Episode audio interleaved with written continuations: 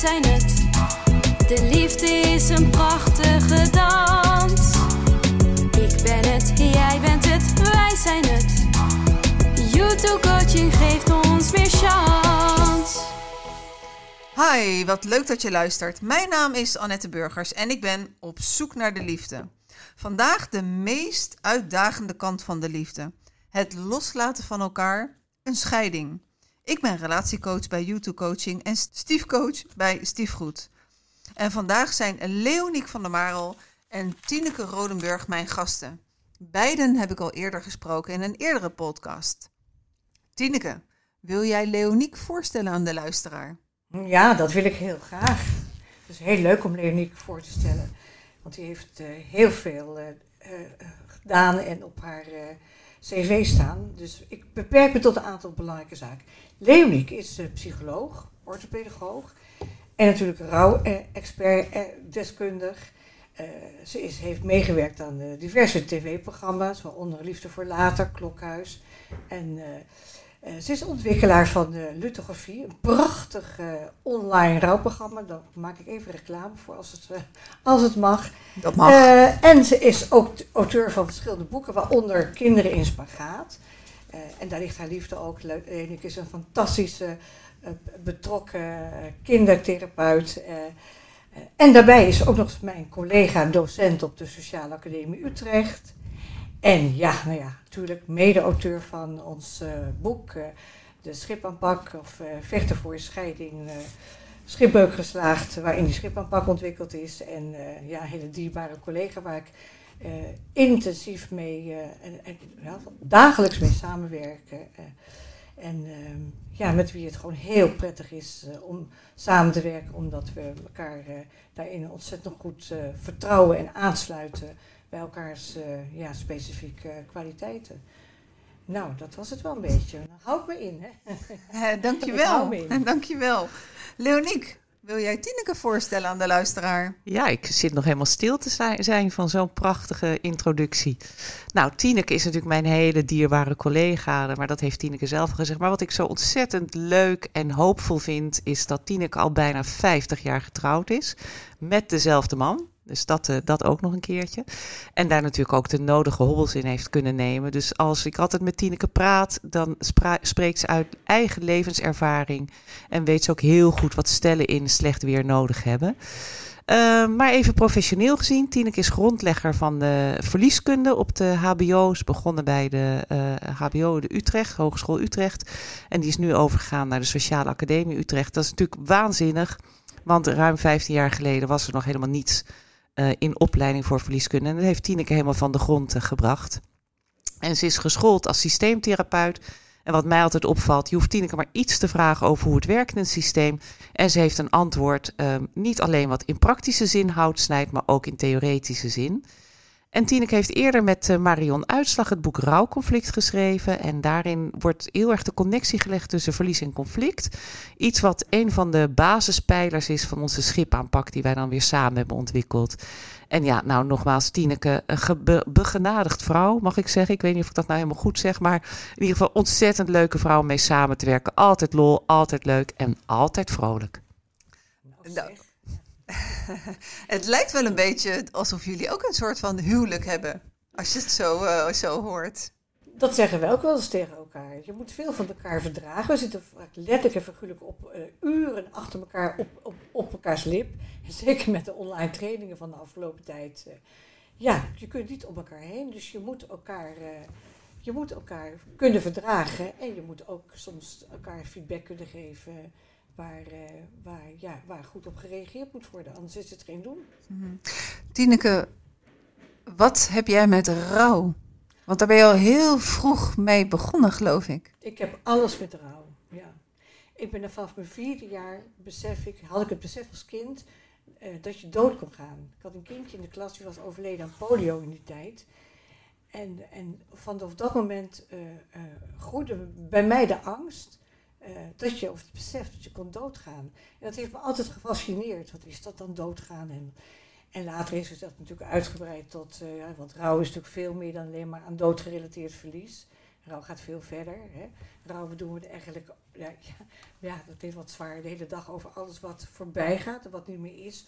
Of wat niet gaat zoals we hadden gewild. Dus ik heb ik, ja, zoals een ander misschien geïnteresseerd is in vogeltjes. En, uh, en in, uh, ik kan nog geen mus van een, uh, van een kanariepiet onderscheiden, bij wijze van spreken. Hè. Maar Rauw, vertel me je verhaal. Vertel me, vertel me, hoe ben je weer overeind gekomen naar, naar zware verliezen? Vertel me je verhaal. En ik, ik vergeet de tijd en ik zit er voor je. Ja. En ik kan me zo voorstellen dat als dit al als jong meisje jou fascineert, welke vragen heb je nog over rouw waar je de antwoorden nog niet van hebt gevonden? Ja, dat is eigenlijk, ja, waar, waar heb ik, ja, ik, ik heb nog steeds vragen. Want stel je voor dat ik het helemaal zou weten, dan zou ik uitgeleerd zijn. Dus die vragen die dienen zich eigenlijk aan tijdens gesprekken die ik heb met mensen die in rouw zitten. Uh, en, um, dus dat zijn geen vragen die ik nu zo ter plekke voor jou neer kan leggen, maar die ontstaan in het gesprek. Het, het, het is misschien een beetje uh, uh, vreemd, maar ik, ik, ik blijf altijd opnieuw weer geïnteresseerd in het verhaal van degene die tegenover me zit.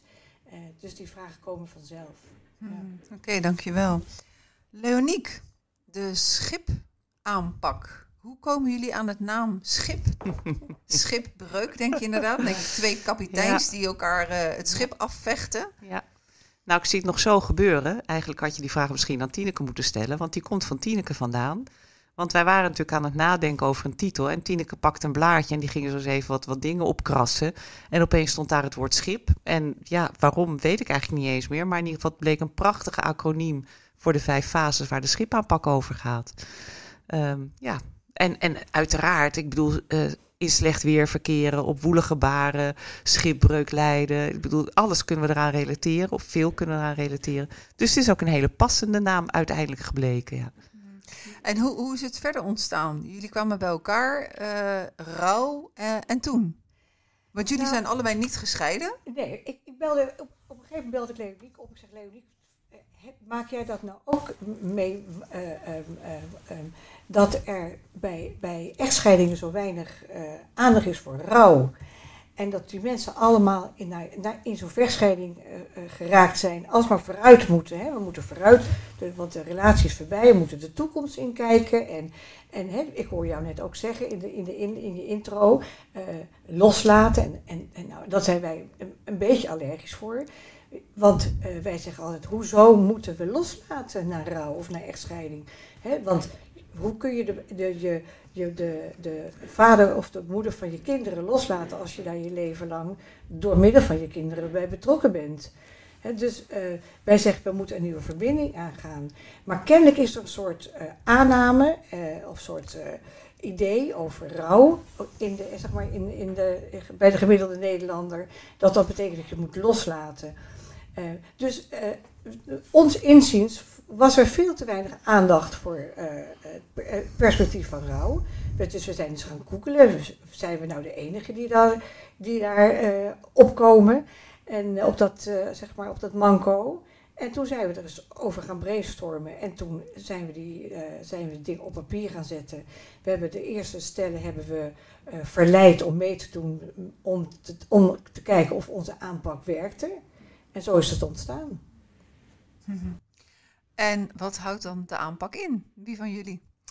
Ja, um, je zou kunnen zeggen, het is een postrelationeel rouwtraject, wat de, wat de ex-partners samen door gaan maken. Voor ons zijn ze nog steeds partners, maar dan partners in ouderschap.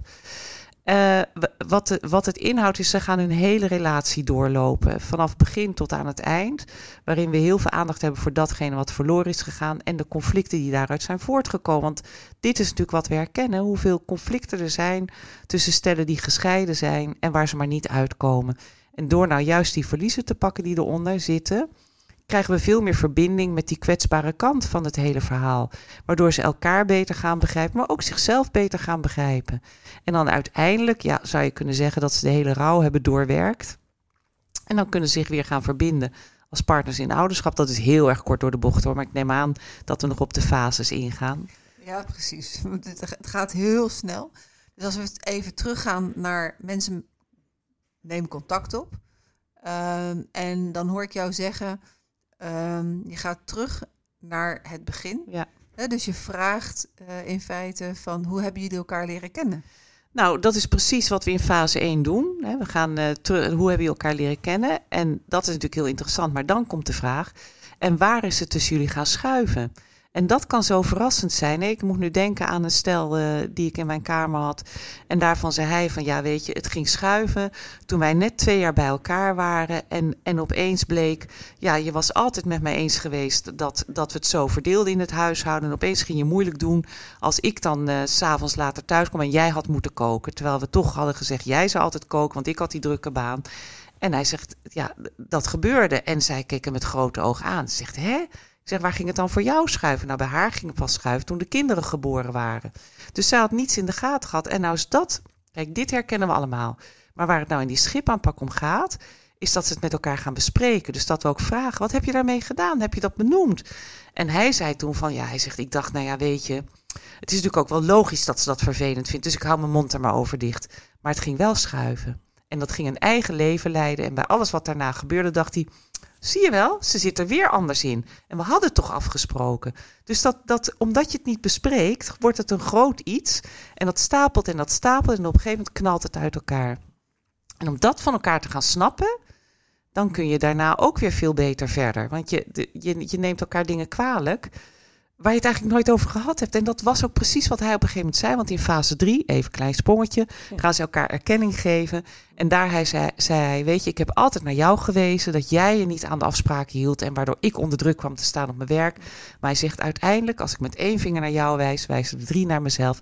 En ik had het bespreekbaar moeten maken en dat heb ik niet gedaan. Dus ik heb net zoveel aandeel in het misloop van deze relatie. Overigens was hij uiteindelijk vreemd gegaan en had hij een andere partner gevonden. Bij ons in de, in de, in de behandelkamer, spreekkamer, vindt vaak het gesprek plaats, hoe treurig het ook klinkt, dat al in een veel eerder stadium binnen die relatie had moeten plaatsvinden, maar om de een of andere reden eh, niet heeft plaatsgevonden. Dat is vaak heel verdrietig. Dat men zich pas toen realiseert, of pas dan realiseert dat ze dingen hebben laten liggen. En, en eh, de, de, zeg maar, de gangbare aanpakken, met betrekking tot de echte vechtscheidingen, die eh, zijn heel erg toekomstgericht. En wij gaan er met een stofkam, bij wijze van spreken, eerst doorheen. Want, zeggen wij, en dat geldt voor alles, voor alles wat ons overkomt, als we begrijpen waar, waarom het is fout gegaan, hè, als we daar eerst bij zijn aangekomen, dan pas kunnen we de volgende stap zetten. We moeten begrijpen, eh, reconstrueren wat heeft gemaakt dat het is gegaan zoals het is gegaan. En dat red je niet in drie, vier gesprekken. Daar, daar is tijd voor nodig. En in deze tijd waarin alles snel en eh, oplossingsgericht, resultaatgericht eh, moet gebeuren. Wij, wij maken wel eens een grap van snel door de wasstraat, hè, snel scheiden, lekker goedkoop. Ja. Deze problematiek ontleent zich niet voor snel en, en, en, en eh, ehm, eh, ja, snel en makkelijk. Hè. Daar, dat is een proces. Relaties die vaak zo lang hebben geduurd, die hebben de tijd nodig om te ontvlechten. Dus mensen moeten eerst aankomen daar waar de pijn zit, om vervolgens elkaar de erkenning voor te kunnen geven en die pijn los te kunnen laten en de volgende stap te zetten. En dat was ook heel erg leuk, hè? want wij kwamen in contact met het, met het onderzoek van Esther Kluwer. Eh, en dat was al eigenlijk, we hadden dus eerst die schipaanpak ontwikkeld, want die hebben we in 2015 ontwikkeld, 2016 is het boek uitgekomen. En onlangs, dat is nog maar een paar maanden geleden, kwam het onderzoek van Esther Kluwer eh, mij onder de ogen, die ze met ze ook met samen met anderen heeft gedaan. Maar daarin staat dat begrijpen waarom de scheiding plaatsvindt, neemt de behoefte aan wraak tussen de ex-partners neemt af en ook eh, het vergeven neemt toe. En waardoor er uiteindelijk een beter co-partnerschap of een co-ouderschap kan ontstaan. Dus dat was ook echt super gaaf. Want eigenlijk, nou, ze had nog veel meer natuurlijk erin geschreven. Maar dat zijn de pijlers van onze schipaanpak. Dus wij waren avant alle letteren, waren wel goed bezig, zullen we maar zeggen. En jij hebt haar opgebeld en gezegd, Ja, nee, ja. dat is, eh, zij erkende dat ze ook Ja, bij eh, haar onderzoek aan onze schipaanpak dacht. Ik kan me ook zo voorstellen, je zegt van nou, voor het ene was, kan, een, een- kan een moment X zijn voor dat het gaat schuiven. Ja. En voor een ander moment Y komt het ook wel eens voor, achteraf gezien, ja. dat ze hetzelfde moment toch wel op een bepaalde manier dachten van nou, vanaf toen. Nou, dat is niet vaak het. Ik Nee. Leonie ook een beetje zo schudden, is niet vaak het geval. Eh, wat, wat, wat wel van belang is, is dat. ehm, ehm, wat het belangrijkste is waar, waarom mensen het, zeg maar, dit soort gesprekken niet aangaan Ja. met elkaar. Wij zeggen wel eens, mensen zijn bang eh, eh, om het conflict aan te gaan uit, uit angst voor relatieverlies. En, en het tragiek is dat juist uit angst voor relatieverlies, eh, door het niet aan te gaan van het conflict, de kans dat je je relatie verliest groter is. Maar men, eh, ja, ruzie maken of conflicten aangaan, dat, dat, dat, daar zijn de meeste mensen niet zo goed in. Nee, hoe moet je het ook leren? Ruzie maken binnen, binnen je relatie. Ja, Nou, dat leer je van je ouders, hè? Dat leer je zelf als kind. Dus als je ouders hebt die goed ruzie kunnen maken, dan leer je dat dat kan. En dan leer je ook dat dat niet tot relatieverlies leidt. Mm. Maar goed, als we natuurlijk al kijken hoeveel kinderen zelf uit gebroken gezinnen komen, die hebben dat dus ook niet geleerd. Die leren eigenlijk, oké, als het niet meer gaat, loop je weg. Dat is wat zij leren. Of misschien zelf als kind meegemaakt dat als ze boos waren, dat hun vader of moeder zei, eh, ga de kamer maar uit. Of, of drie dagen niet meer tegen ze sprak. Dan leer je dus dat ruzie maken leidt tot relatieverlies. Ja, en dan gaat alles eh, eh, is gericht op het oplossen van het conflict. En dat is natuurlijk eh, begrijpelijk, want je wilt van dat conflict af. Maar als je de beweging naar binnen maakt, als je, als je mensen kunt laten zien wa- wat ze hebben verloren, hè, dan wordt de materie zacht. En dat redden mensen meestal niet meer als ze met z'n tweeën in één kamer zitten. En door, zeg maar, een, een schipbehandelaar in te zetten, hè, die kan vertalen wat er gebeurt. Hè, en, kan, en de vraag kan stellen, oké, ik zie dat je heel erg boos bent. Eh, en, maar wat voor verlies raakt dit nu? En als je mensen kan zeggen, ja, het verlies dat ik me aan, me- aan, aan van mezelf, het beeld wat ik over mezelf heb, ligt aan gruzelementen. Hè, en dan zie je die ander eh, eh, soms verbaasd kijken.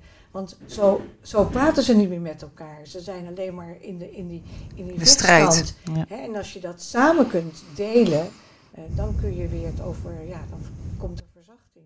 Mhm. En dus dat is fase 1. Fase 1. Eh, Moet er aan iets voldoen worden om door te kunnen gaan naar fase 2? Ja, ik denk dat is altijd voor iedere schipbehandelaar eh, altijd een vraag. Dus het is een hele goede vraag die je stelt. Uiteindelijk moet het zo zijn dat je, die, dat je de relatie, ehm, die zou je in een film zo uit kunnen spelen. Dus dat je zoveel weet van het verloop van die relatie, dat dat kan. Maar dan nog kan je dingen missen. Ik had een keer een man, of een, stel, en dan kwam in fase drie, toen eh, kwamen ze binnen en toen vroeg hij van, god, denk jij dat ik in therapie moet? Waarop zijn ex keihard begon te lachen. Oh, zij is alweer. En ik dacht, oké, die heb ik gemist. En toen bleek dat hij ehm, al lang in therapie was geweest. Sterker nog, al twee keer. En daar was, daar was tegen hem gezegd, toen waren ze net een jaar bij elkaar. Ik moet eigenlijk even het hele verhaal vertellen.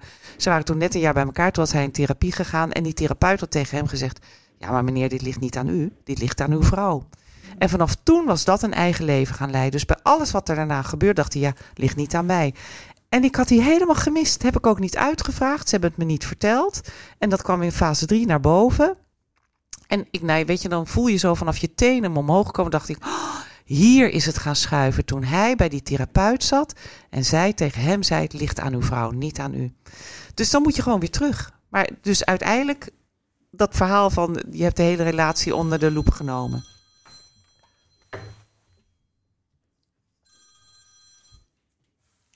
We hebben een beller. Ja, precies. Misschien nu al een vraag.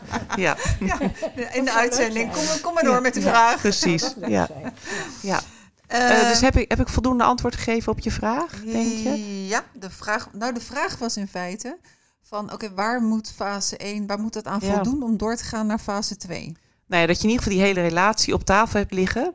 Dat je, dat je alles wat er ooit gebeurd is, dat je dat hebt, dat je dat weet. Omdat in fase 2 ga je natuurlijk kijken naar de verliezen die geleden zijn en de conflicten die daaruit voortkomen. En hoe doe je dat? Ja, in fase 2 kom je vaak soms ook regelmatig tegen dat mensen bijvoorbeeld het verlies van een kind of een miskraam of een verlies van een van de ouders of een, een, een, akelig eh, ontslag of eh, eh, niet goed hebben verwerkt met elkaar. En, en, en, en is het, komt dat in fase 2 nog regelmatig aan de orde. Dus het gaat dus niet alleen maar het verlies van in die relatie, maar alle verliezen waar, waar te weinig aandacht voor is geweest. Maar dat is een hele pittige fase, want daarin nou, daar wordt nog behoorlijk eh, eh, ruzie maar we gaan steeds terug naar het verlies. Ja? En we starten met de En we hartanalyse. starten met de hartanalyse. Ja, De hartanalyse, ja, de kan je dat uitleggen? Ja, nou, in het kort. dat is een, een stukje theorie, ik weet niet of dat kan in een podcast. Maar eh, de hartanalyse is een manier om, om eh, in kaart te brengen waar de beschadigingen hebben plaatsgevonden op de meest elementaire zaken des levens. En dat is de, de, de H van hou vast. Dat is, hè, mensen moeten controle hebben, of regie hebben over hun leven. Eh, eh, op de A van eh, autonomie. Dat is zelfbeeld en dat is je identiteit en de R van rechtvaardigheidsgevoel. En de, de T van toekomst. Hè. Dat is ook, ook weer een acroniem. We zijn dol op acroniemen, je hoort het al. Hè. Maar dat zijn eigenlijk de belangrijkste pijlers hè, je, eh, eh, om je goed te voelen en goed te kunnen functioneren. Nou, ernstige verliezen en serieuze conflicten, zeggen we altijd, die, die zorgen voor beschadigingen op die vier elementen. En wij maken een, een hartanalyse en, en, eh, van, van waar hebben die beschadigingen bij beide partners plaatsgevonden. En dan tot hun grote verbazing is vaak dat ze eh, van elkaar niet weten waar ze in geraakt zijn binnen die relatie. hè. Want, want dat zijn de, de, de kwetsbaarheden. Hè. Die laat je niet zo makkelijk meer zien als je in, in een vechtscheiding zit. Maar die zijn er wel. Wat ze wel zien, en dat is echt eh, iedere keer weer zo eh, interessant, is het gedrag wat voortvloeit uit die kwetsingen. Hè, stel je voor, hè, ze, eh, van de week ook nog een, een, een vrouw die zei: Ik voel me helemaal niets meer nu me ingeruild voor die ander. En dan vraag ik: En iemand die zich niets meer voelt, die dat verloren heeft, wat doet hij? Eh, eh, nou ja, zegt ze, ja, die, die, die trekt zich terug. Hè. Het had even zo goed gekund dat ze had gezegd: Die slaat van zich af. En dat is wat die ander ziet. Die ander ziet iemand die akelig gedrag vertoont. En die reageert er ook weer op met akelig gedrag. Zo werkt dat. En pas als ze beide zien waar, ze, waar hun kwetsingen eh, eh, eh, zijn, eh, liggen, dan, en dat ze soms ook tot hun grote verbazing, en ook vaak tot mijn grote verbazing, overeenkomsten hebben.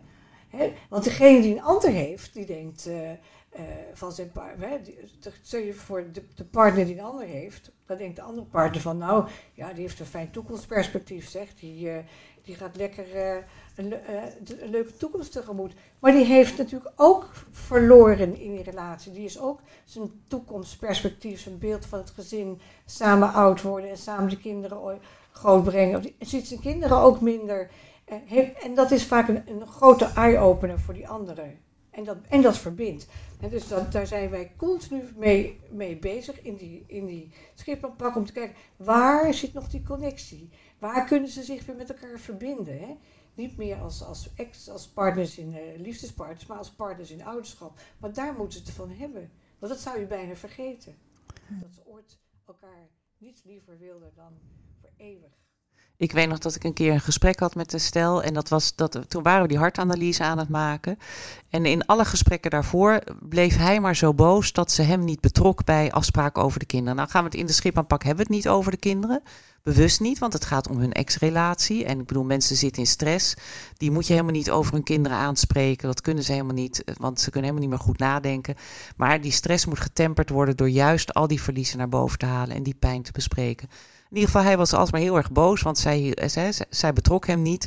En toen waren we die hartanalyse aan het doen. En hij, hij bleef maar zeggen, ja, maar ze betrekt me niet. Ik zei, ja, wat verlies je dan?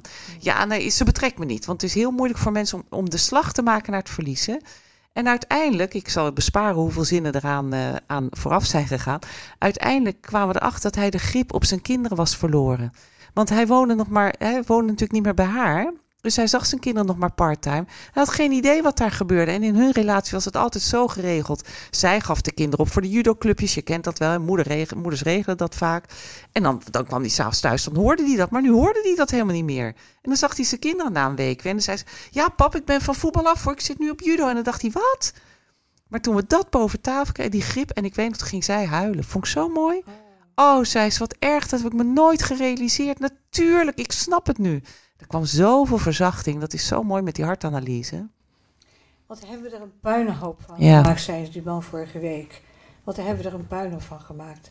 Ik schaam me zo, zei zij. Ik heb me zo misdragen, ja. En, dat is natuurlijk... En dan kan, je kan dan uit kunnen leggen, want het is ook een mooi moment. Zeg, ja, dat doen mensen die onder stress staan en die eh, eh, zich beschadigd voelen en niet gezien en gehoord. Die gaan zich zo gedragen. En, ehm, hè, en dat is natuurlijk schaamtevol, natuurlijk. Dus ik, ik vind het niet zo schaamtevol, eh, omdat ik het begrijp. Maar voor deze mensen is het schaamtevol. En hè, dan leg Ja. ik uit dat dat zo gaat.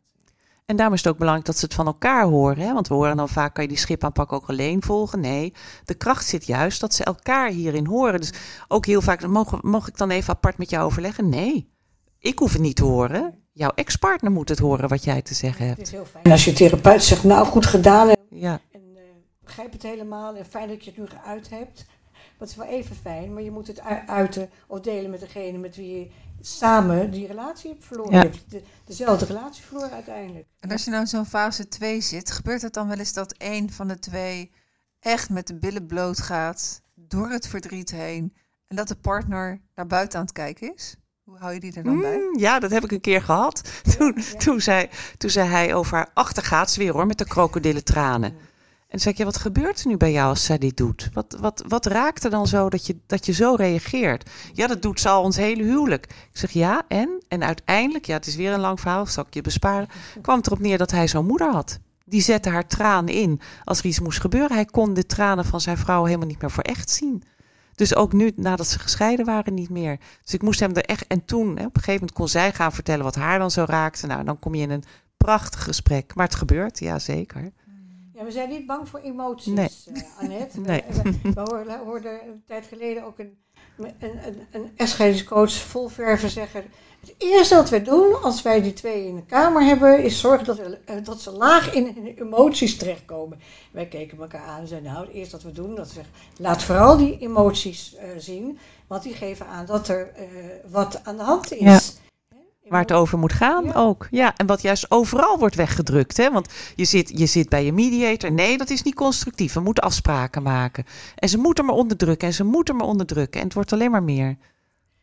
Nou ja, en we kijken ook naar welke emoties zijn helpend en welke emoties mogen er niet zijn. Omdat, ze, omdat er een sanctie of een straf op zit vanuit het gezin van herkomst. Als je nooit hebt geleerd dat je boos mag zijn, omdat als je boos wordt, dat je dan af wordt gewezen en dat het nooit meer goed komt, ja, dan is het wel erg moeilijk om je boosheid te laten zien. Dus welke emoties zitten in de schaduw en moeten nog, moeten nog eens moeten aandacht krijgen of moeten ontwikkeld worden? Of moeten, Ja, en heel erg kijken naar de interactie tussen de twee. Als in, nou, net het voorbeeld van die man daarnet.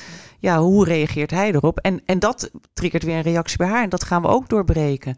Kijk, ze zeggen heel vaak van... gaan jullie de schipaanpak maar doen... want jullie moeten leren communiceren. Maar daar is de schipaanpak niet voor. Maar het gevolg is vaak wel dat ze beter kunnen communiceren.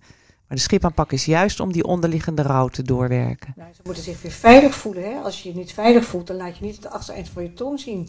En mensen zijn al lang niet meer gewend om zich veilig te voelen. Eh, en, en, en, maar maken wel ruzie. En, en, en daar gaat het alsmaar over. Ja, dat weten ze ook goed, hè? hoe ze wel ruzie kunnen maken uiteindelijk. Ja. Hè? Ja. Dat, dat is bekend, Ja, maar dat andere stukje is niet meer bekend. En dat hebben ze misschien wel nooit gehad. nee, klopt. Nou ja, het gebeurt ook heel eh, eh, regelmatig, dat durf ik bij niet te maar het gebeurt regelmatig, dat mensen, eh, ik heb laatst een stel, die waren vijf jaar uit elkaar en die hadden van een schipaanpak gehoord en ja, ze waren toch een beetje aan het twijfelen geraakt. Dus ze wilden eigenlijk nog eens kijk, weer, toch weer door hun relatie he- heen, want ze kregen wat problemen met de opvoeding van de kinderen, want het dreigde een beetje een vechtscheiding te worden. Die kinderen waren inmiddels vijf jaar ouder, die kwamen in de puberteit. En ze, ze, ze kwamen bij mij en zeiden, nou, we willen die schipaanpak. En, eh, en gaandeweg dat traject, ik zag het gewoon gebeuren. eh eh Werden ze weer verliefd. werd ze weer verliefd. En ze wonen weer samen. Ja, of er nog een, eh, een derde kind komt, weet ik niet. Hoewel, er is al een schipbaby eh Ja, geboren, zeker. hè? Ja, ja. Dus dat is natuurlijk ook heel mooi dat we dat kunnen bewerkstelligen. Hè? Want die schipaanpak is niet alleen maar eh, geschikt Nee. gebleken voor echte vechtscheidingen. Maar ook eh, voor relaties, eh, om maar eens weer eens een metafoor te gebruiken. En de relaties die in slecht weer eh, beland zijn. Dat is, eh, Sterker nog, weet je, ik denk ook heel vaak, wij geven natuurlijk heel veel training erin. En iedere training weer denk ik, ja, ik zou dit gesprek, soort gesprekken thuis ook moeten hebben. En ik heb ze ook niet, want ik denk, nou, het zal wel loslopen. Ach, laat maar, weet je wel. Maar ja, practice what you preach. Maar ik heb Dus, ze wel, ja. Leonie. ja, jij, dat, daarom ben je ook 50 jaar getrouwd, Tineke. Laat dat duidelijk zijn. Nou, ik wilde net vragen van, hoe ziet het er nou bij jullie thuis uit? Ben jij wel eens boos, Tineke, thuis? Ja, regelmatig. Ja, ja, nou ja ik, ik, ik word boos als ik, uit, als ik geen contact voel met mijn partner. Dan, dan raak ik ontregeld. Dus eh, ik ben een beetje angstig gehecht. een, uh, veilig gehecht tot mijn twaalfde. Maar nou, wat, is er wat gebeurd in mijn leven waardoor ik angstig ben gehecht geraakt. Uh, en mijn man is vermijdend gehecht. Dus je kunt je voorstellen hoe dat gaat. Ja. Maar ik heb het nodig. Dus ik, ik haal hem wel eens uit de tuin en dan zeg ik: hey, hoe zit het tussen ons? He, hebben we nog contact met elkaar? En ik laat nooit wat liggen, want dat kan ik gewoon niet. Ik zou misschien, dat, ik, ik heb daar misschien wel wat in te leren om eens wat te laten liggen. Um, maar ik kan niet meer blij zijn als ik, me niet, als ik geen verbinding voel. Ja. Maar krijg je dan niet te horen, Tineke, dat, dat, dat soms als je het op de therapeutische of de coach Oh ja, wijze ja. doet, dat je denkt, ja, je bent hier nu, nu, niet nu in de praktijk. Ik ben of de docent of ik ben de therapeut. En ook voor mijn kinderen. Ik kan het eigenlijk gewoon nooit goed doen. Ik ben altijd eh, verdacht. Ja. Ik, ik hoorde afgelopen week dat er een, een, een hou me vast training bestaat voor therapeuten. ja, weet ik. Dus we zijn niet te oud om te leren. Hoe is het bij jou thuis? Je zei net al van eh teach what you preach. En, eh, Ik laat alles liggen. nou ja, dat is een beetje? Nee hoor. beetje ver doorgetrokken. Nee, hoor. hey, ben jij bij mij thuis, Tontien? Nee, kan je niks over zeggen. Van die dingen dus. Ja, ja. Precies, van die dingen. Ja. Nee, ik, eh, ik eh, vertel niet, ik, ik bespreek niet zoveel hoor thuis. Als echt de nood heel hoog is, dan, eh, dan doe ik het wel. Maar, en ik leer daarin wel heel veel van Tineke. Want dan zeg ik wel eens, god, dit moet ik of dat moet ik. En, eh, zoals bijvoorbeeld, hadden natuurlijk Marco Borsato afgelopen Mhm. weekend. Hè? Het is, eh, dus eh, vroeg mijn man de volgende dag, hoe was het interview? Dus ik vertelde een beetje en hij, hij nam het helemaal voor Marco Borsato op. Mhm. Ja, maar een man moet, hij moet toch ook de kans krijgen om, om het opnieuw te beginnen. Ik dacht, wacht even, wat gebeurt hier? Dus heb ik eerst een dag gewacht. En toen heb ik gisteren maar eens heel voorzichtig gevraagd. Ik wil er nog even op terugkomen. Is er iets wat jij mij moet vertellen? Dat je het zo voor me opneemt. Nou, dat was wel heel wat voor mij hoor. Nou, er was niks, zei hij. Dus, eh, maar ik ben een absolute vermijder. Absoluut. Dat heeft weer met mijn gezin van herkomst te maken. Goed, gaan we zo langzamerhand naar fase 4. Fase 3 hebben we nog niet echt besproken. ik heb Oh, me heel kort fase- genoemd, fase het drie- erkennen. Fase 3 is blijft mijn favoriete fase. Want Dan daar, gaan we even terug naar fase 3. in fase 3 gaan we het heel, focussen we heel erg op, eh, op alles wat er nog niet eh, mag zijn, maar er wel is. En dat zijn vaak ook de gedachten die mensen over elkaar hebben. Mensen hebben elkaar van alles toegewe- toegewenst eh, in hun strijd. En niet zozeer omdat ze elkaar daadwerkelijk eh, achter de bank konden plakken of nog erger. Dat is nog een zachte versie. Maar omdat je, je raakt ook moedeloos en raadloos als je alsmaar in zo'n conflict zit. Eh, dan, eh, en, en, en, dan, dat je op een gegeven moment hoopt, dat hogerhand, of wie dat ook mogen wezen, ingrijpt. Hè? Dat kennen we allemaal. Dat je denkt, er moet nu wat gebeuren, er moet een eind aan komen. Eh, en dat hebben ze wel gevoeld van elkaar. En maar dat gaan ze dan uitspreken in. Dat is het, het gaat te ver om dat allemaal, eh, eh, hoe we dat dan eh, zeg maar aanvliegen. Eh, maar daar moeten ze ook over nadenken. Hè? Wat heb je wel gedacht van, over die ander? Hè? Wat raakt dan schaamte en schuld? En sp- spreek het maar eens uit. En dat, dat, noemen wij de fase waarin we de emotionele pijpleidingen in één keer doorblazen. Dan is het eerst maar gezegd. en, dan, en dat geeft vaak zoveel ruimte om, om, om ja, nog beter met elkaar eh, zeg maar, die angel eruit te halen. Want die angel moet eruit. En pas dan kan je verder. Is het niet soms dat je dan weer even een stapje terug moet als er zoiets ineens de praktijkruimte ingeknald wordt? Wonderlijk, dat, dat, dat vragen onze de deelnemers aan de training ook altijd. Dan zeggen we altijd, ja, maar dan zijn we, zijn we inmiddels zo'n gesprek of 10, 9, 10 verder. En dan is het ook wel een keer genoeg. Hè? Want ook, ook daar komt een keer een eind aan. Aan, het, aan, het, aan het ventileren van, van, eh, van ellende en van gevoelens. Eh, mensen willen ook wel graag eh, de volgende stap zetten. En de volgende stap is nou, fase 4, de integratie. Ja, de integratie. Ja, de integratie. Nou, daar gaan in, de, in fase 4 Dan gaan zij een ritueel bedenken. Sommige mensen krijgen geestelijke jeuk bij het woord, maar zeg dan een vorm. Maar ik denk altijd, ja, ons hele leven zit vol met rituelen. Als iemand doodgaat, ga je naar een begrafenis. Ik heb nog nooit iemand die horen zeggen die zei, nou, dat is een ritueel. Dat doe ik niet hoor. Dus het is gewoon een ritueel om datgene wat geweest is, ook echt achter je te laten. Het is zo'n markeringsmoment om de stap te maken naar de volgende fase. De fase van partners in ouderschap, waar ze het ook vaak voor doen. Juist om die kinderen een goede toekomst te geven. Dus dan gaan ze een bedenken en dat kan van alles zijn. Dat kan zo groot en zo klein zijn als ze zelf willen. Soms gaan mensen alleen maar een kopje koffie met elkaar drinken. Is dat hun moment om te zeggen: Oké, dit is het moment dat we borgen. Dit is waar we alles achter ons gaan laten. En soms wordt het heel groots aangepakt en dan moeten er brieven voorgelezen worden of een ballon opgelaten. Dat is aan iedereen zelf. Maar ze gaan erin gezamenlijk een ritueel bedenken om dat op die manier wel te borgen. Dus eh, het is ook raar dat we bij scheiding geen ritueel hebben. Het ritueel wat we hebben is dat we naar de advocaat gaan. Terwijl je iets ontzettend wezenlijks achter je gaat laten. Ja, kijk, in principe, je begint ook een relatie. En misschien is het heel standaard of heel, heel ouderwets of traditioneel. Uh, maar vaak wordt toch wel begonnen met: wil je verkering met me? Of in ieder geval, hebben wij nu een relatie? Ja, of nee? En dat begint op die manier. En uh, om het nou met ruzie of inderdaad uh, om het af te handelen. Wat is het mooiste ritueel wat jij voorbij hebt zien komen? Ja, dat is jouw, vind ik echt voor jouw stijl het mooiste. Ja, maar, maar misschien, nee, die ga ik niet doen. nee, dat, ik ben altijd bang voor herkenning. Ja, precies. Vind ik, ik merk ook dat ik even denk van... Ja. Hmm. En wat ik nog wel wilde zeggen, uh, Annette, val je nu in een reden, merk ik. Ook bij het ritueel zijn de kinderen niet aanwezig. En misschien hebben we in dit, uh, deze podcast nog te weinig de nadruk gelegd dat de schipaanpak een aanpak is waar de kinderen niet bij aanwezig zijn. En dat is heel erg nieuw. Want bij alle bestaande aanpakken uh, uh, maakten die kinderen een wezenlijk onderdeel uit van de, van de, van de benadering. wij, wij hechten hier de voorbije relatie af, de, de, de, de oude relatie. En um, dat doen we zonder die kinderen. Want, en dat kan Leonie altijd zo prachtig vertellen, um, dat de, de druk van ouders, van jullie moeten wel door de ogen van je kinderen kijken, want dan houden jullie wel op met ruzie maken. Dat wordt nog te vaak genoemd. En dat, en dat, dat, dat denkt men echt serieus. als ja. ouders maar door de ogen van de kinderen kijken, stoppen ze met ruzie maken. En wij zeggen, als dat zo was, dan hadden we niet zoveel vechtscheiding. Want die ouders die willen goede ouders zijn. En slechte ouders bestaan er niet. Ja, dan is er wat anders aan de hand. Maar, eh, maar als je te veel stress voelt en te, en, en te veel gekwetst bent. En, en daar is geen aandacht voor geweest dan popt dat ieder moment popt dat weer op. En moet je je voorstellen wat frustrerend dat is. Hè? Als je weer los bent gegaan ten overstaande van je kinderen. En iedereen zegt dan tegen je, moet wel door de ogen van je kinderen kijken hoor. Dan voel je je nog schuldig. En, en die, nou goed, ik zei het net al even, mensen in stress kunnen niet meer goed nadenken. En daar zit het hem in. En daardoor kan je die vertaalslag niet maken naar van, oh ja, ik moet om mijn kinderen denken. Nee, je reageert met je limbische brein. Je wordt gegijzeld door je amygdala en je gaat los. Dus dat moet opgelost worden. En dat lossen we op met die schipaanpak. Want het pas, komt pas echt goed met die kinderen. En, en als die ouders weer goede ex-partners kunnen zijn. En niet eerder. En, dan, en daarom is denk ik die schipaanpak ook zo succesvol.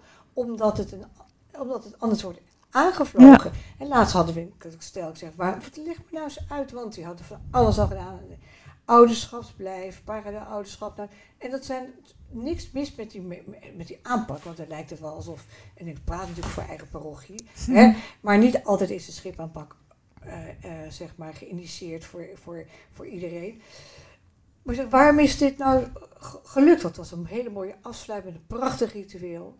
En ze zeiden, ja, omdat het nu over ons ging en dus niet over de kinderen.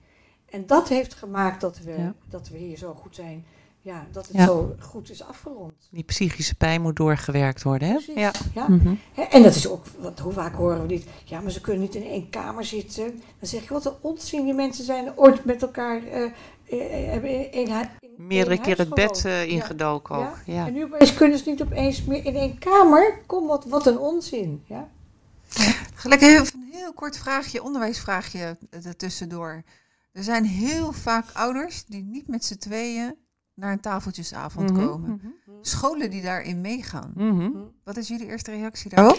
Nou ja, kijk, ik denk scholen hebben daar ook niet zo'n taak in. Dus dat zijn, ik bedoel, dat, die, zijn, die zijn niet de, de, de, de poortwachters van de. Van de eh, Van ja, de hel. Van de hel. nee, maar ja, die gaan daar niet over. Ik zou me daar. Ja, als dat dan. Nou, ik denk daarmee houden we dus wel in stand dat die gescheiden werelden er kunnen bestaan. Mm. Dus hoe zou het zijn als dat gewoon afgeschaft wordt? Als er wordt gezegd, u komt, u komt of u komt niet. En we gaan niet een tweede tafeltjesavond. Dan ben ik heel benieuwd wat er dan gebeurt.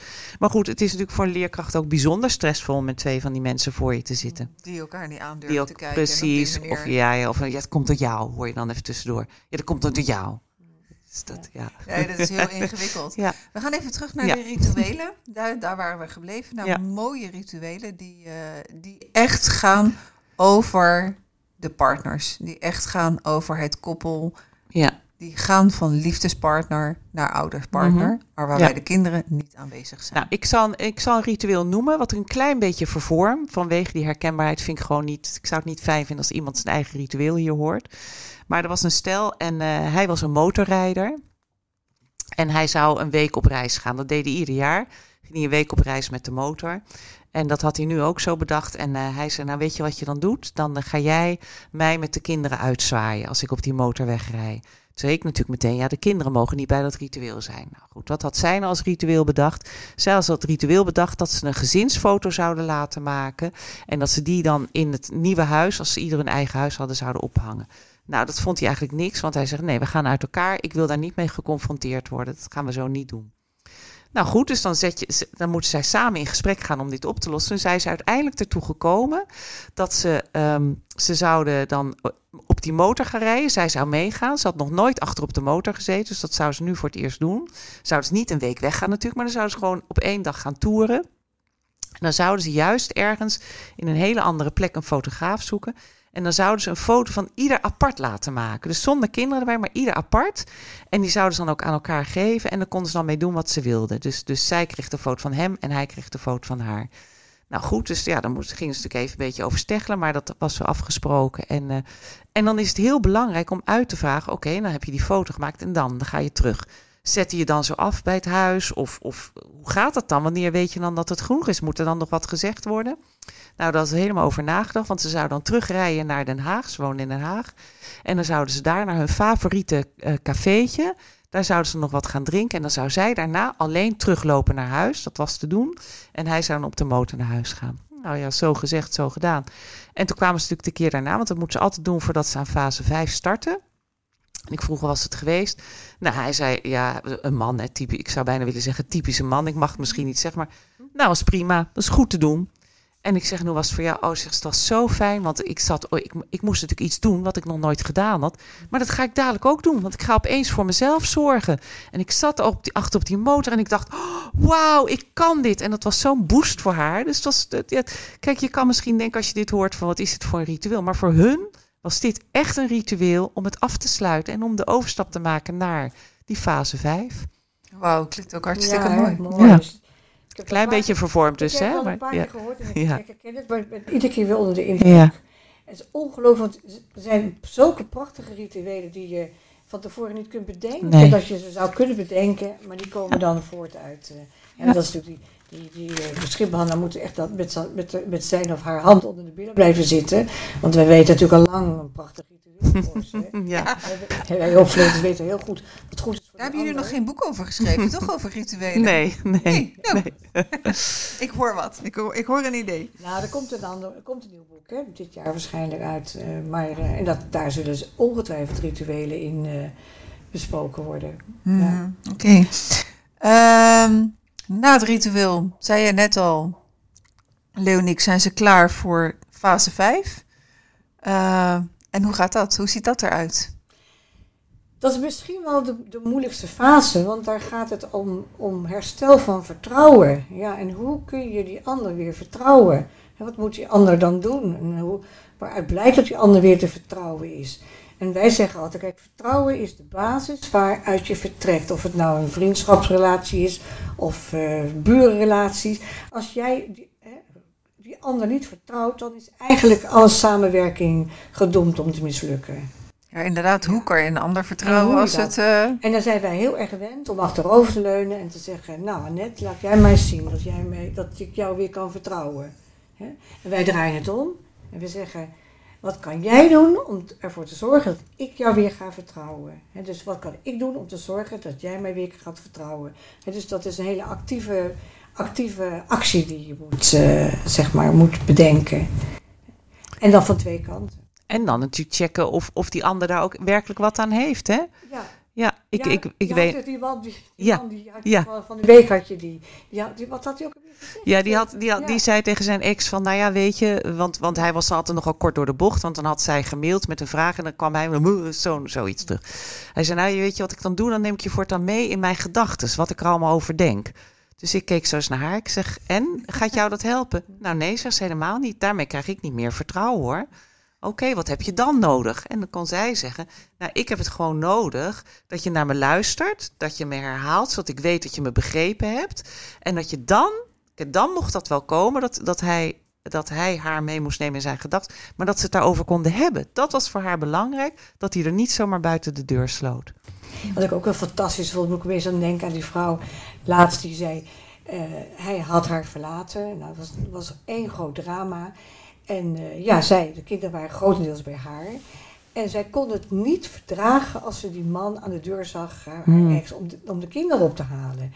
En, eh, eh, en wat deed ze dan? Eh, als de kinderen één keer hard niesten, dan waren ze meteen verkouden of eh, eh, waren ze ziek. En eh, dat kwam natuurlijk in fase eh, eh, 2, 3 kwam dat, eh, werd dat duidelijk met die hartanalyse. Dat het niet zozeer was dat ze die, die man geen goede vader vond, maar ze kon die man niet meer verdragen. Dus ze zei, als ik weer de neiging heb, dat is fantastisch, om, om me te verschuilen achter die kinderen, die- of de kinderen in te zetten voor mijn eigen pijn te vermijden, dan app ik jou en dan zeg ik tegen je, ik heb weer de neiging om het te doen. Daar hoef je verder helemaal niets mee. Eh, maar ik wil dat je weet dat ik, het, dat ik die neiging heb. In de hoop, in de verwachting, of dat beloof ik je, Mhm. zei ze, dat ik het dan juist niet doe. Maar ik moet het even zeggen. Nou, dat werkte geweldig. En het was ook een soort, die man begreep opeens waarom ze dat deed. En niet zozeer omdat ze hem als vader niet vertrouwde, maar omdat ze zichzelf niet vertrouwde in die pijn. Mooi. Ja. Ja, heel mooi. Ja. Wat, is, wat kunnen jullie in het algemeen zeggen? Wat maakt het zo lastig om het vertrouwen te herstellen? Nou ja, we zullen eerst maar eens beginnen met die ene spreuk. Vertrouwen komt te voet en gaat te paard. Dus da- daar begint het al mee. En kijk, weet je wat het is? Ehm, wij denken dat we het niet aankunnen als iemand niet meer te vertrouwen blijkt. Hè? Dus, eh, dus je wil niet nog een keer gekwetst worden. En die kwetsuur is zo groot dat, je, dat het dus zo moeilijk is om die ander weer te gaan vertrouwen. Terwijl je vergeet dat als het, stel dat die ander toch weer blijkt niet te vertrouwen te zijn, dan kan je het heel goed aan zelf. Maar om jezelf te beschermen tegen die kwetsuur, dat is als waarom sommige mensen bindingsangst hebben, zijn veel te bang dat iemand weer weggaat en dat ze dat niet aankunnen. Daardoor laten ze het. Het is niet zo, die ander heeft misschien al lang bewezen dat hij weer te vertrouwen is, of dat hij spijt heeft, of wat dan ook. Maar het is je eigen angst dat je het niet aangaat. Dat je het niet durft. Je durft gewoon niet te vertrouwen. Ja, dat is met relaties, eh, familierelaties ook zo. Je wilt, niet, je wilt je zus misschien wel weer heel graag zien, maar je wilt niet opnieuw gekwetst worden Nee. door die zus. Dus Ja. roep je dat, het, eh, dat je er klaar mee bent. Ja. Maar je bent natuurlijk nooit klaar. Je bent nooit klaar met je ex als je kinderen samen hebt. Je bent nooit klaar met je familie, want daar kun je niet van scheiden. Je wilt alleen vermijden dat je weer opnieuw gekwetst wordt. Hè?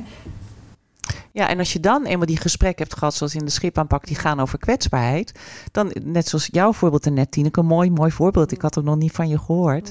Ehm, als je dat boven tafel hebt, dan kunnen mensen daar ook veel beter over praten samen. Want dan kunnen ze zeggen, ja, maar weet je, wat jij nu doet, geeft mij weer het gevoel dat het niet klopt wat je me vertelt. En dan, want die basis om dat gesprek te hebben is er al. Ja, en misschien moeten we nog een stap verder, moeten we concluderen dat we allemaal wel eens dingen verzwijgen Ja. of mooier maken. En dat we daar, daar hoef je niet trots op te zijn. Dat is natuurlijk schaamtevol om je te realiseren dat je ook niet altijd eerlijk bent. En dat je, hè, of dat je, en is, wat is dan eerlijk zijn? En hoe moet je altijd eerlijk zijn? Nou, dat soort vragen. Eh, en als je daarbij kan komen, als je, hè, de- en, en als je dat van twee kanten kunt erkennen, weet je, dan wordt het ook wat menselijker en wat begrijpelijker. Ik heb onlangs geleerd van Piet Wijsveld, toen ik hem interviewde voor de podcast. als je partner, hè, als, het, als de gedachte die je hebt van belang is voor de relatie, dan heeft je partner het recht om die gedachte te weten. In het begin kwam ik ontzettend in opstand tegen, die, eh, tegen dat stukje. Maar ik ben hem wel gaan begrijpen. Ik ben, Ja. ik ben het heel met hem eens. Wij weten allemaal haarfijn wat, we, wat, wat van belang is, wat we verzwijgen of wat we voor onszelf mogen houden. En wat de relatie schaadt en wat de relatie gewoon kan verduren. Dat weten we haarfijn. Maar we legitimeren het als we dingen verzwijgen. Omdat, we, omdat het er nou, vaak schaamtevol is. Of omdat we daar mogelijkerwijs eh, eh, eh, het gesprek mee aan moeten. Of dat het gevolgen heeft. We daarop af worden gewezen. Dus daarom houden we het voor ons. En, en als, je het, als je de schaamte ruimte geeft. Dan kan die schaamte wat vervliegen, roep ik altijd. En dan valt het over het algemeen wel mee. We weten precies. Maar misschien zijn dat dus ook juist wel die scheurtjes waar we het over hadden, Ja. hè, over fase 1. Dat dit soort dingen niet meer besproken worden. Mooie, mooie, mooie uitspraak Ja. van die man. Ik ben het helemaal met hem eens. Ja hoor. Wij, wij. Nee. Ja, ja, nee, hart, Het stel. hart- hart- stel. hartstikke goed. En jullie gaan ook niet scheiden, toch? Wij gaan helemaal niet Ehm, scheiden, en, maar wanneer is uiteindelijk eh, voor jullie, hè, wanneer laat je een, een koppel, het is natuurlijk geen koppel meer, maar ze komen als, als, als, Ja. als ouder koppel komen ze binnen.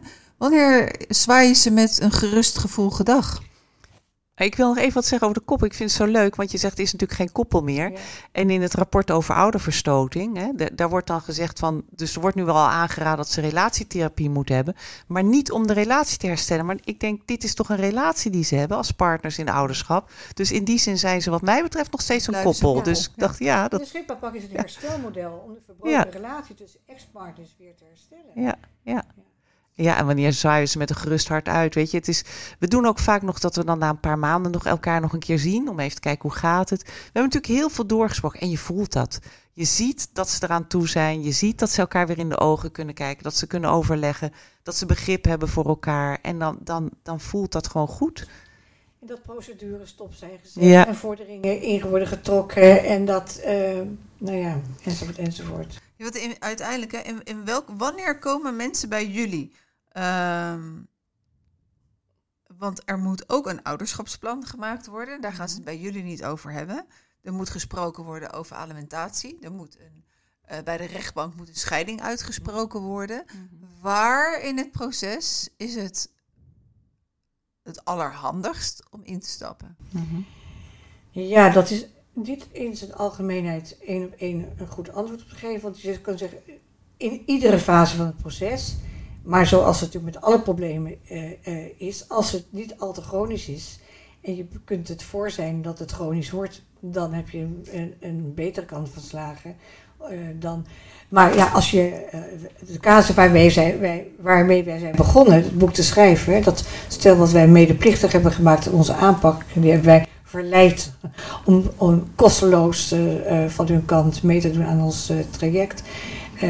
Die waren al twee een ton aan proceskosten kwijt, drie jaar in een vechtscheiding en waren nog geen millimeter opgeschoten. We zaten midden in de procedures. En midden in de procedures, groot succes geworden. Ja, ja. Dus eh, En weet je, ik denk, ik ben altijd heel blij met de stellen die bij mij komen en die de schipaanpak willen doen, omdat ze willen uitzoeken of ze bij elkaar willen blijven. Mm. Want als ze dan uit elkaar, en dat heb ik echt al meerdere keren meegemaakt, dat ze toch besloten uit elkaar te gaan, maar dan hebben ze al zoveel voorwerk verricht, dat ze toch die dingen kunnen gaan regelen, want dat is heel belangrijk. En dat, dat er al zoveel verzachting is gekomen, dat ze elkaar ook veel beter in de ogen kunnen hebben. Maar ik had ook een keer een stel, en die ging de schipaanpak doen, zaten echt fix in een echtscheiding, of in een vechtscheiding, sorry. En er moest eerst een vakantieregeling voor hun kind komen. En daarna zouden ze dan nog de omgangsregeling gaan doen. Maar ze zouden dan na die vakantieregeling de schipaanpak gaan doen.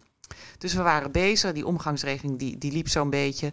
En die zouden ze dus echt vast gaan zetten na de schipaanpak. Dus we zaten zo in fase 4. En ik zei, ja, dan gaan we natuurlijk, als we klaar zijn met fase 5, die omgangsregeling. Toen zei ze, zijn we al lang samen aan het doen, joh.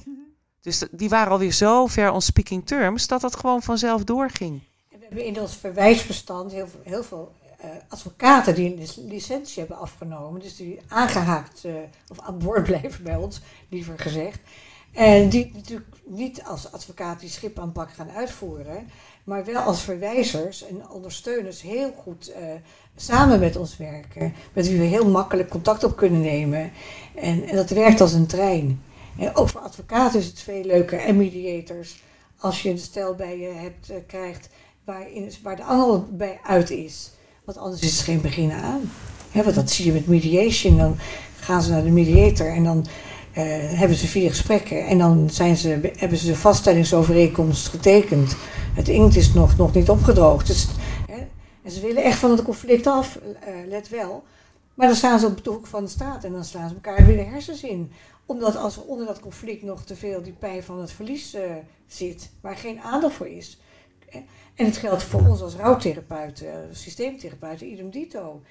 Dus wij hebben een integrale aanpak. Want als mensen bij ons komen voor hun verlies, eh, dan moeten ze naar binnen kijken. En daar is geen ruimte voor als je alleen nog als je ontzettend boos, boos bent. Ja. Dus, uh, dus, wij, dus die integrale aanpak, en dat is ook nieuw aan die, aan die schipaanpak. Hè? Dus die aandacht moet naar twee kanten. En, kort gezegd. Kort ja, heel, heel kort gezegd. Hoe kunnen mensen jullie vinden? www.schipaanpak.nl www.schipaanpak.nl Maar we, ja, we, ik, ik verbaas me vaak waar ze vandaan komen. Ja. Steeds meer rechtbanken verwijzen naar ons. Ja, en uh, we hebben natuurlijk gelukkig heel veel uh, schipbehandelaren, ook in, tot in België toe, opgeleid. Dus uh, ja, zo, ja. Hè, Leonie? Ja, ja, zeker. En um, als laatste, we gaan een beetje naar de, naar de afronding toe. Hè. Ik ga jullie allebei de volgende vraag stellen. Stel, er zijn nu verkiezingen. Uh, via, via, via word je naar voren getoverd. En mag je het ministerie van de liefde bevrouwen. Wat, ga je, wat, wat, wat zou je willen veranderen in het beleid met betrekking tot relaties, liefde, scheidingen en alles wat daarbij hoort? En laten we beginnen met onderwijs. Laten we kinderen veel meer eh, zeg maar, onderwijzen, zeg maar, of voorbereiden op relaties. Hè. Dat relaties op basis van wederkerigheid, uh, uh, hoe je goed kunt zorgen voor jezelf en voor de ander. Het zijn belangrijke ja, vaardigheden die aangeleerd moeten worden of waar aandacht aan besteed moet worden. Ja, voor mij zou het zijn, ik zou het heel fijn vinden. We, we zijn op dit moment is er heel veel gaande rondom uh, uh, lifestyle coaching. Ik zou het heel fijn vinden als er een soort relatiecoaching in een standaard pakket komt. Dat mensen om de vijf jaar gratis hun relatie onder de loep kunnen nemen. Want ik denk dat we daar heel veel mee gaan voorkomen. En dan natuurlijk wel met de schipaanpak onder de loep nemen, hè? dat en, begrijp je. En dat er gewoon dat dat er geld voor vrij wordt gemaakt. Hè? Want het is natuurlijk hartstikke preventief. Als, Ja. je die, als je de ouders redt om Ja. goede ex-partners te worden, red je de kinderen. Nou, ik kan je vertellen, ik had vorige laatst nog zo stel dat ik zei, als jullie nu niet de afslag nemen, dan betekent dat over een aantal jaren jullie kinderen in therapie zitten Ja. en relatieproblemen krijgen en noem maar op. En willen, wil- willen jullie dat? Nee, dat willen wij niet. Zegt, dan, zijn, dan moeten jullie nu verantwoordelijkheid nemen voor je relatie. Het is, kijk, die schipaanpak is, eh, je hoort mij kracht zetten. Ja, goed zo. Kom, kom maar op, Tineke. Kom maar op. En dan, je, je kent mij een beetje intussen. Maar ik, ik ben, ja, wij, het is een directieve aanpak. Die echt wat vergt van de schipbehandelaar. Ook van de cliënten. Want ik vind het, ja, helder, het gaat een beetje te ver. Maar ik zei, ik heb heel veel respect voor deze mensen. Dan ga maar weer eens om de tafel zitten. Met, met iemand die je het leven zuur heeft gemaakt vanuit jouw optiek. En je om, omgeving zegt, ga je met hem of haar, eh, ja? Je weet toch hoe die is? Nou, wens je veel succes. En stel dat die schipbehandpak mislukt. Hè, eh, mag je dan nog weer opnieuw een beroep doen op je, op je vader, op je, op je ouders, op je vrienden? Of zeggen ze dan, ja kind, eigen schuld, dikke bult. Hè? Dus er is nog wat voor nodig. Hè? Dus eh, van twee kanten. Ja. Waar kan ik me inschrijven voor het ministerie van de Liefde trouwens? By the way. Ik weet niet, ik heb nog niet één partij in, in het verkiezingsprogramma daarover gehoord. Jammer. Nou, nee, Maar mocht ik het horen, Ja. dan eh, meld ik je aan. we hebben toch tijd genoeg. Ja, daarom. Samen niet Ja. eh, Partij oprichten Ja. en Ja. eh, dat is zo gedaan. Zo. zo gedaan. Iedereen kan dat. Ja. Nog even een allerlaatste vraag. Wat voor een tendens zien jullie op dit moment en eh, de reden waarom mensen uit elkaar gaan? vaak de moedeloosheid om elkaar niet meer te kunnen vinden. Omdat ze eh, eh, niet weten hoe ze elkaar terug moeten vinden. dan wordt zo'n relatie sleet, dan komt het venijn erin. En dan, eh, en natuurlijk vaak omdat de gezinnen te, te- ja, toch behoorlijk belast zijn. Ja, Jonge zeker. gezinnen carrière maken. Eh, Ik heb dat in een vorige podcast ook nog gezegd. Er moet van alles in dat zo- zo- zo'n gezin. Eh, eh, en dan komt er een, eh, een relatie, een verliefdheid tussendoor. En, eh, en dan, eh, ja, dan is vaak het einde van het verhaal. Maar mensen weten ook. Mensen weten ook niet, dus de moedeloosheid, mensen weten ook niet hoe ze eruit moeten Ja. komen. Hè. Al is er geen nieuwe liefde, ze kunnen niet meer goed met elkaar praten, ze weten het niet meer. Misschien hebben ze een keer relatietherapie geprobeerd. En dat, is, dat zie ik wel steeds meer, dat mensen het opgeven. En misschien waren onze voorouders daar heel anders in. En die, die kregen dan gewoon een soort platonisch huwelijk. We vinden natuurlijk ook allemaal dat we gelukkig moeten. Ik bedoel, ik hoor ook heel vaak mensen, ja, maar ik ben niet meer verliefd op mijn man. Ja, wat wil je? Je bent 25 jaar getrouwd. Wat denk je? Dus dat is ook iets, hè? we verwachten veel te veel van de relatie. Precies, en ik denk dat deze mensen die het niet meer weten, een stevige, een stevige therapeut, behandelaar nodig hebben, die gewoon zegt, we gaan het even anders doen. Hè, dat klinkt wat, wat, wat autoritair. Eh, en, en ik merk ook heel vaak, juist omdat we alles zo snel moeten doen in deze tijd, en dat mensen na twee, drie re- re- relatiegesprekken afhaken. Hè? Ja. Dan zeg ik, en hebben ze dat, dat, dat laatst ook zo stel, die hadden dat vier keer aan toe, twee, drie gesprekken met een therapeut, en dan waren ze weer afgehaakt. Ja, dan krijg je die angel er niet uit. Of ik vraag, is, he- heeft jouw therapeut gevraagd naar dit? Is er gevraagd naar dat? En dan blijkt er heel veel niet nog aan de orde te zijn gekomen. Daar is dus kennelijk tijd voor nodig. Je hebt tijd nodig om je toe te vertrouwen aan je therapeut, aan je schipbehandelaar, om het achtste eindje van je tong te laten zien. Want daar zit natuurlijk heel veel schaamte in. Het is natuurlijk vreselijk om bij een, schipbehandelaar eh, aan te kloppen. Dat is helemaal niet leuk. Ja? Moet je als je aanklopt, is het van, eh, oké, je doet het hele traject of je doet het niet? Hoe, hoe verleiden jullie mensen dan tot eh, de rit afmaken? Of de vaart, de... Nou, dat vind ik wel een leuk antwoord voor Leoniek. Want Leoniek heeft, heeft er een, een, een mooi onderzoekje opgezet. Mhm, Ja, de, er zit- er zit een klein onderzoek op de schipaanpak. eh, om te kijken of die nou effectief is. En het blijkt dat die eh, significant de ver- verbetering geeft. Ook al haken mensen af in fase 2. Ehm, dus dat is wel bijzonder om te zien. Ik, ik denk dat fase 1 en fase 2 zijn de meest intense fases van de schipaanpak. Waar het meeste boven tafel komt, het meeste wordt verduidelijkt. En de rest is vooral consolideren. En eh, dus ja, kijk, je kan natuurlijk van tevoren zeggen: men moet die schipaanpak af. Maar als ze niet meer komen, ja, dan komen ze niet meer, dan houdt het op. je, Dus kunt- je kan ze niet thuis gaan halen van eh nee, nee, nee, precies. Dus we vragen wel van: hey, ben je bereid om je hiervoor in te zetten? Want het is echt een intensieve aanpak. En ja, als mensen avond zeggen: nou nee, eigenlijk niet, ja, dan zeggen we: dan moet je gewoon niet komen. Maar het is zo dankbaar werk. Ja. Even, ik had laatst zo'n stel, die heb ik echt van, voor, voor de poorten van de hel weggesleept. Dat was, ik, ik kan niet in detail, want dat, ik ben altijd bang voor herkenbaarheid. Maar er was heel veel aan de hand. Politie op de benen, een hele reutemeteut. Ja. En die heb ik eh, weer eh on speaking terms gekregen. Nou, het gaat toch zelfs nog een stapje verder, Tien? Ja, ja, ze, nou ja, ze kwamen bij mij. Wel, als ze dit horen, dan zullen ze zichzelf herkennen. Ze gingen zitten en dat was, was een vreselijke crisis was er geweest. En ze gingen weer zitten, het jong stel, eh, elkaar helemaal eh, eh, kwijtgeraakt.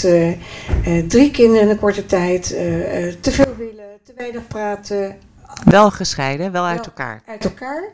En goed, het was een ontzettende crisis. en toen zaten ze, twee weken daarna, zaten ze weer bij me. En toen zeg ik, nou, hoe is het gegaan de afgelopen twee weken? En toen zei hij, en hij werd een beetje rood in zijn nek. en ik zag het. En ik zei, eh, hij zei, nou zeg jij het maar tegen haar. Ik zeg, ik, ik weet het al. Ik zeg, het is toch niet zo dat jullie weer de koffer zijn ingedoken met elkaar? Ja, dat vloog er zo uit. Ja. En toen zei zij, ja, nee, sterker nog, niet één keer, maar verschillende keren. Ja. Nou, Ja. mooi. En dat gebeurt regelmatig. Om terugkomend op je vraag, waarom gaan mensen uit elkaar? Omdat ze niet meer weten hoe ze elkaar terug moeten vinden. Ja. En heel veel scheidingen zijn onnodig. Daar ben ik van overtuigd. Ja. Zo zonde. Absoluut. Leoniek, welke vraag heb ik je niet gesteld en waar wil je toch nog antwoord op geven? En dan moet je met mij beginnen daarmee. Hmm. Nee, ik, ik zou het echt niet weten, net. Nee, moet ik te lang over nadenken. Tineke. Ik zou het ook niet weten. Volgens mij hebben we alles een beetje doorgeakkerd. En Misschien of de schipaanpak voor iedereen te doen is? Zou die nog kunnen? Ja, natuurlijk. Dus ik denk dat dat nog wel mooi is om, om, om hè, want heel vaak horen we natuurlijk mensen met een persoonlijkheidsstoornis die, eh, die, eh, die zijn niet welkom of die kunnen niet. Maar wij zeggen altijd, het gaat wel aan, want we hebben natuurlijk ook het, hè, nou, dat kan jij het beste nog vertellen, over de, ja, Nee, wij zeggen altijd, als je scheiden Nederland mag geloven, dan heeft heel Nederland eh, eh, een persoonlijkheidsstoornis. Hè? En dat is Narcisme. Maar, maar ja, want die, die, die, die vliegen ons om de oren, de narcisten en de borderliners. En wij zeggen altijd, weet je, vaak is, hebben we hier niet over een- Ja, als, als je diagnosticeert, oké, maar dan weten we het zeker. Maar eh, veel is er sprake van situationele gekte.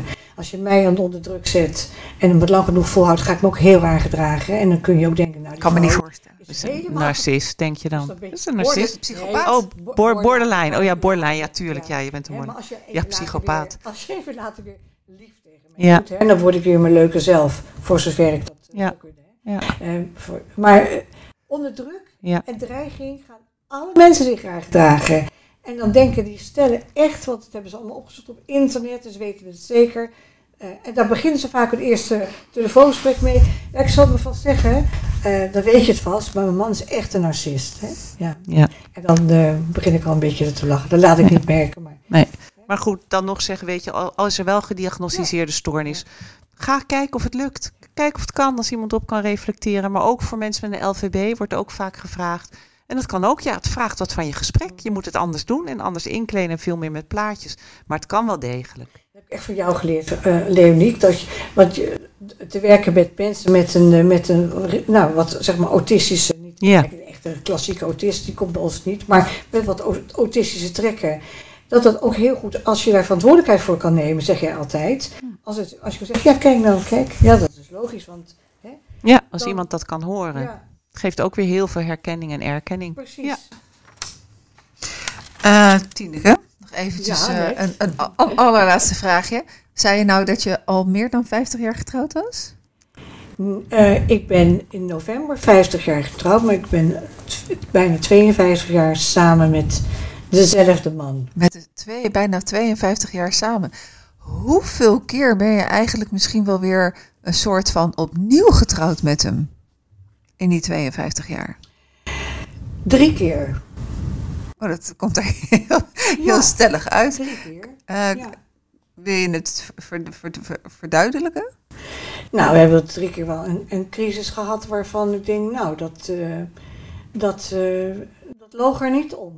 Oké, dus eh, het, het, waren, ja. het, het waren niet zozeer fases van kinderen zonder kinderen, Ook. met kinderen. Nou, weet je, nee, dat heb ik niet zo ervaren. Want dat, misschien was ik daar ook veel te jong voor. Ik was 24, toen had ik al drie kinderen. En ik was 42, toen waren die kinderen allemaal al de deur uit. Ja, je, en dus ehm, dat, eh, ik heb er nooit zo bij stilgestaan dat ik tijd moest inleveren of te, geen tijd voor mezelf had. Dat ik, dus nee, dat herken ik niet zo. Nee, oké. Nee. Nee, dus in ieder geval drie keer. Hoeveel keer ben jij getrouwd? Eén keer met deze man. Eén keertje.